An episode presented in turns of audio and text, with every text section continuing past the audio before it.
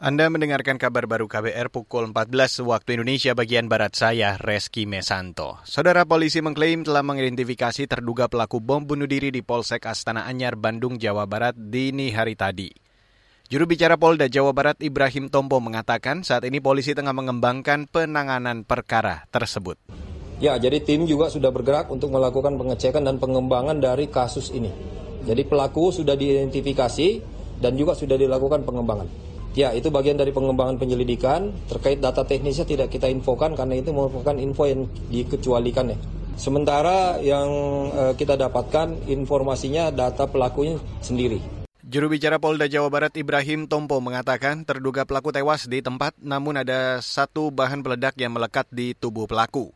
Bahan peledak lain juga ditemukan di sekitar lokasi dan sudah diamankan. Insiden bom bunuh diri ini menewaskan satu terduga pelaku dan anggota polisi. Sementara itu, delapan polisi dan satu warga terluka.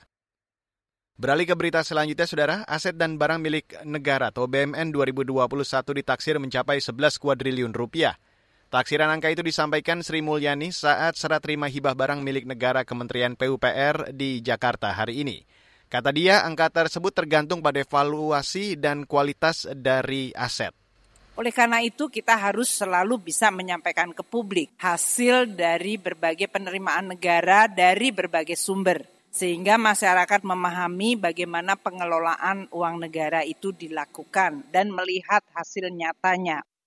Menteri Keuangan Sri Mulyani mengatakan barang milik negara dibangun dari pendapatan pajak, bea, dan cukai, penerimaan negara bukan pajak atau PNBP hingga surat berharga negara atau SBN, atau surat utang negara atau SUN. Beralih ke Jepang, saudara, di mana Jepang menganggarkan lebih dari 560 triliun rupiah untuk mengembangkan dan mengerahkan rudal jarak jauh. Dikutip dari Antara, sumber pemerintahan mengatakan rudal akan dikembangkan dalam lima tahun mendatang. Langkah ini diambil Jepang untuk meningkatkan kemampuan serangan di tengah ancaman perang. Rudal pencegat buatan Jepang itu dapat diluncurkan dari luar jangkauan tembakan musuh. Pemerintah Jepang menyebut pengembangan ini sebagai bentuk serangan balik di tengah peningkatan kehadiran militer Cina dan peluncuran rudal balistik di Korea Utara.